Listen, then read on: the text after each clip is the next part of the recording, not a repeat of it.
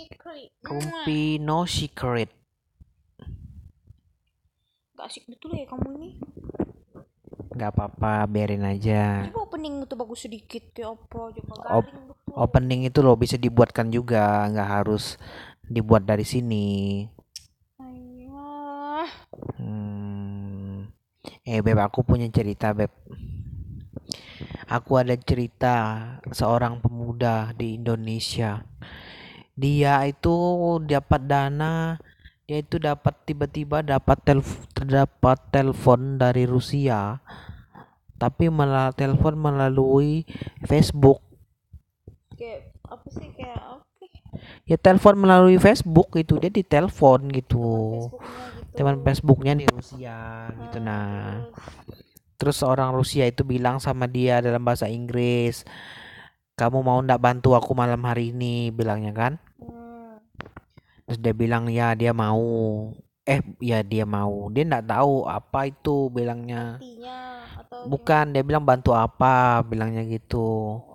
Dia bilang dia mau sembunyikan uangnya, tapi dia mau transfer ke rekening temannya ini. gimana? orang Indonesia itu. Iya, tapi dia bilang dia ini tinggalnya di Indonesia. Dia ndak mungkin git- kamu bisa terbang eh transfer uang dari negaramu ke sana bilangnya. Dia bilang bisa aja ada caranya bilangnya gitu. Akhirnya dia coba transfer uang itu beb. Keesokan harinya baru dia transfer uang itu ke rekening orang Indonesia ini. Tiba-tiba masuk rekening di uang di dalam rekeningnya itu 15 miliar. Ya dia kaget lah kena uang tuh masuk 15 miliar. Baru dia pergi ceknya betulan ternyata ada 15 miliar di dalam ininya di dalam ATM-nya baru dia hubungin orang itu lagi kan. Dia tanya ini uang apa? Dia bilang dia nggak kasih tahu itu uang mengenai apa tapi dia bilang kamu simpan aja uang ini bilangnya. Kalau bisa kamu pakai untuk usaha di sana di negaramu nanti satu saat aku datang lagi ke nanti aku datang minta kembali uang itu. Tapi untuk sekarang kamu pakai aja itu dulu bilangnya gitu sama dia kan. Supaya di uangnya dia pakai gitu. Ya akhirnya orang itu berusaha untuk pakai uang itu. Dia buat apartemen di ininya di tempat di kotanya. Dia buat apartemen 8 lantai. Dia sewakan sama orang. Ini cerita hidup atau cerita mati sih? ya cerita hidup jadi itu kayak pen, kayak pencucian uang gitu dari negara lain ke negara kita Oh jadi yang jahat itu si orang luar negeri itu. dia ndak jahat dia kan ndak tahu tuh kerjaan orang itu apa gitu nah tapi orang tuh Ya, maksud aku itu kan kan aneh aja gitu nak orang yang orang luar negeri itu nitip ke temannya padahal lewat Facebook aja. Terus iya berarti dia tuh ada sesuatu, dia tuh mencuri kah, dia tuh merampok berlian kah? Atau gimana? iya dia pakai pencucian uang begitu. Tapi sih setelah 10 tahun kemudian baru orang Rusia itu datang ke Indonesia datang cari dia. Akhirnya mereka ketemu. Akhirnya dijelasin sama dia bahwa itu ternyata uang hasil eh, mafia di sana. Dia hasil eh, kayak ngelola kasino gitu gitu. Nah tapi karena yang meras dia ini pejabat di sana uangnya dia larikan ke Indonesia. Jadi dikelola sama orang yang baru dia kenal di Indonesia ini. Ya akhirnya dia tetap akhirnya mereka tuh kayak buka kayak satu persahabatan gitu antara dia sama temannya Indonesia gitu kan. Akhirnya dia apa sih namanya itu? Seperti seperti eh jadi dia kerjanya di Rusia tapi kalau dia punya uang banyak dia kirim ke Indonesia gitu nah. Untuk menyelamatkan asetnya. Jadi orang Rusia sama orang Indonesia ini kerjasama mereka. Kayak gitu ceritanya. Sampai akhirnya. Jadi untung lah si orang Indonesia itu. ya untung dia. Dia kan dulunya miskin. Kerjanya cuma main Facebook doang. Tiba-tiba dihubungin sama orang Rusia itu beruntung lah dia. Tapi keberuntungan kayak gitu jarang loh terjadi di Indonesia. Aku dulu pernah loh dihubungin sama orang web, dihubungi apa? Tapi mesum. ya dia hubunginnya kayak apa? Dia bilang dia bilang dia suka sama aku lah. Nanti dia mau transfer uang sama aku lah. Hmm, ih dia video call beb memang orang-orang luar negeri. Masa? Iyo. Terus siapa yang suruh aku blokir dia dulu dia mantanku sih kayaknya si Nando itu. Dia bilang "Ya udah tak sini aku bantuin blokir apa nama ini Facebookmu. Dia bilang kayak gitu. Terus dia suruh apa aja sih? Siapa? Itu orang-orang asing itu dia suruh pap tete lah apa lagi ya dia video call. Ih pokoknya dia video call terus tiap menit dia video call. Itu orang asing kan orang asing. Pas dia video call itu tuh aku angkat sekali tapi aku nggak kasih lihat muka aku dia kasih lihat mukanya. Ya lumayan gagah tapi nggak bagus. Oh iya itu tuh mereka tuh gitu beb. Terus mereka jual loh itu.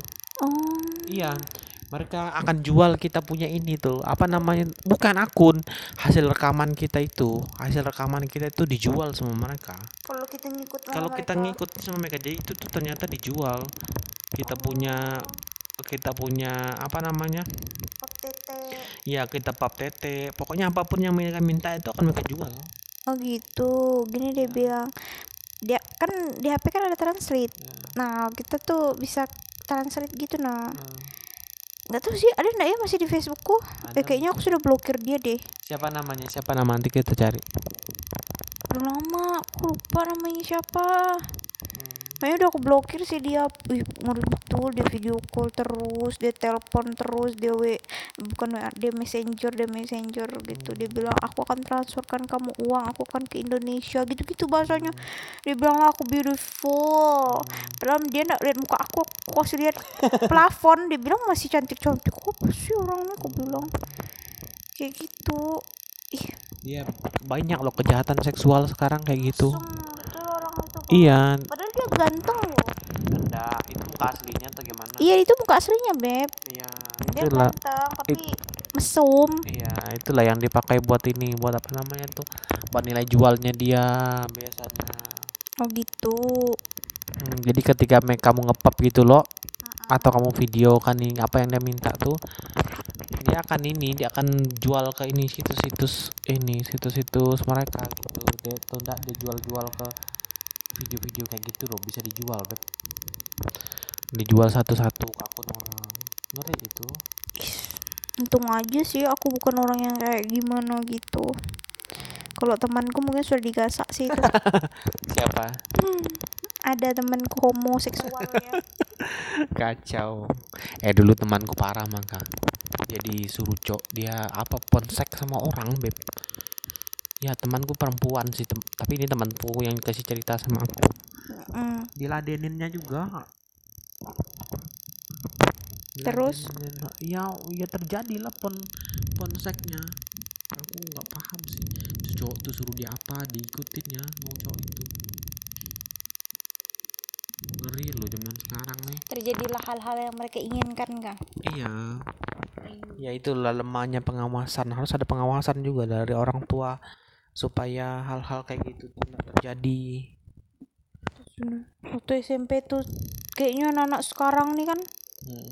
nggak cuma anak sekarang sih dari dulu sudah memang pelecehan seksual tuh terjadi sama anak-anak di bawah umur aku aja termasuk korban pelecehan seksual Iya, makanya harus hati-hati. Kita tuh sekarang tuh harus hati-hati. Kita nggak boleh gimana ya. Pokoknya anak-anak zaman sekarang tuh harus betul-betul dikasih perhatian. Nggak, mereka akan cari perhatian di luar loh. Itu lebih berbahaya. mereka tuh cari perhatian di luar atau mereka tuh nggak paham Iya juga sih. Kalau- kalau aku dulu- kalau nggak tahu itu artinya kepolosan nggak tahu. Nggak, aku dulu tuh sebenarnya nggak juga sih mencari perhatian anda juga cari perhatian cuman gimana ya? Karena aku merasa nyaman aja gitu. Nyaman sama orang itu. Eh ternyata dia punya maksud lain untuk melecehkan gitu loh. Iya, itu bahaya. ya kayak semacam kesepian kali ya. Ya, lebih kesepian.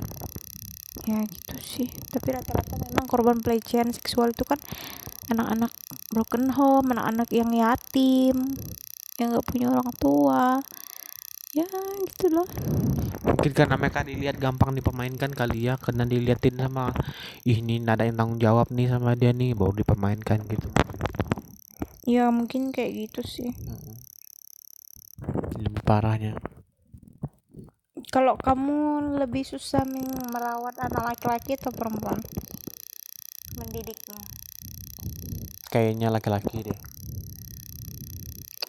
kalau menjaga perempuan kalau Oh, mendidik anak laki kalau Sebenarnya perem- sih sebenarnya sih sama aja. Ya. cuman bedanya itu kan kalau kita sama anak laki-laki itu kita nggak boleh terlalu apa ya baperan gitu loh dalam mendidik. Karena kalau misalnya perempuan itu kan perempuan tuh lembut.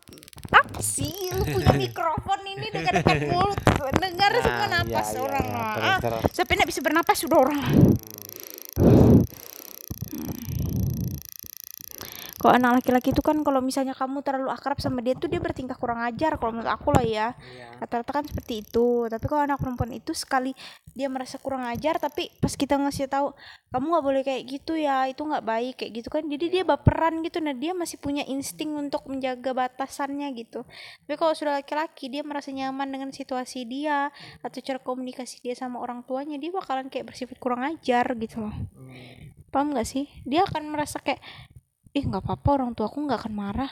Orang-orang tua aku kayak teman sendiri kayak gitu-gitu. Sebenarnya nggak salah juga sih kalau misalnya kita kayak teman sendiri. Kita kan orang tua juga bukan gila hormat. Maksudnya itu kita buat tetap mereka nyaman tapi mereka tetap harus tahu etika gitu loh. Kayak gitu sih. Laki-laki atau perempuan sama aja sih cara jaganya. Cuman kan perempuan kan lebih kalau dilecehkan ya ada bekas lah ya. Kalau laki-laki kan enggak gitu. Perbedaannya gitu. Iya. Gue tindis-tindis anak gue rasanya kalau kalau laki-laki itu harus gimana ya? Kita tuh harus tegas juga di samping mereka. Kita nggak boleh seperti kayak terlalu memanjakan. Karena kalau lebih memanjakan nanti jadi ini dia jadi bebal membangkang gitu. Ya kayak selingan gitu kan. Iya jadinya dia nggak kayak menghormatin kita. Jadi perlu kalau anak laki-laki itu ya ditegasin ya gitu lah Iya, kayak kayak apa ya? Kayak anak laki-laki itu kalau seandainya kita punya mobil gitu kan, dia tidak boleh duduk di tempat kita kayak gitu. Dia harus duduk di tempatnya kayak gitu. Cara menegaskan, cara untuk mendisiplinkan anak itu penting juga untuk kasih tahu dia punya tempat sama dia tidak punya tempat. Ada posisinya lah ya. Posisinya ada perbedaannya antara dia dan orang tua. iya dia dan orang tuanya. Jadi itu tidak sama gitu nah. ya itu sudah aku bilang. Kalau perempuan itu kan dia punya insting ya.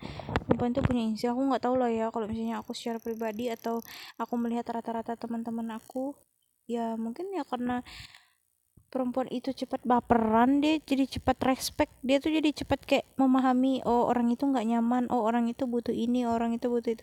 Tapi kebanyakan kalau misalnya laki-laki kan bodo amat.